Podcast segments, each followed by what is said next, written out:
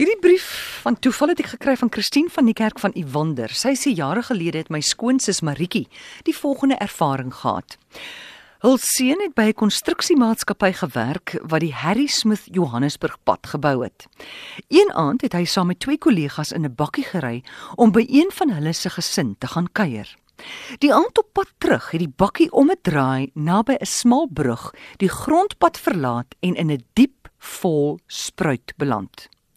Die twee kollegas is uitgeslinger, maar haar seun wat in die middel gesit het, was binne in die stuurkajuit vasgevang. Sy kollegas het probeer om hom uit te trek, maar hulle kon nie regkom nie. Hulle moes toe hulp by 'n naburige plaas gaan soek. Later, met hulp en genoeg lig, is 'n ongelooflike ontdekking gemaak.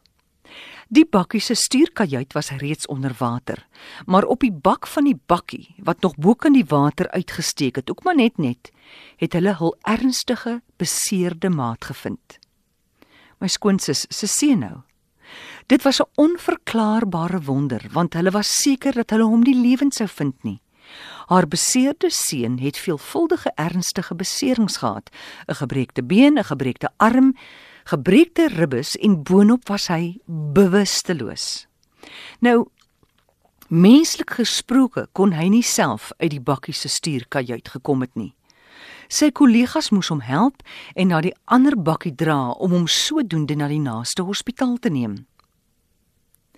Wat hierdie verhaal so merkwaardig maak, is dat die beseerde seun se moeder op dieselfde tyd wat die ongeluk die vorige aand gebeur het, spesiaal vir haar twee kinders by name gebid het.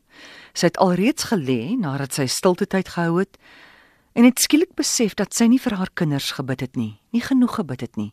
Sy het opgestaan en op haar knieë 'n spesiale gebed vir haar twee kinders gedoen.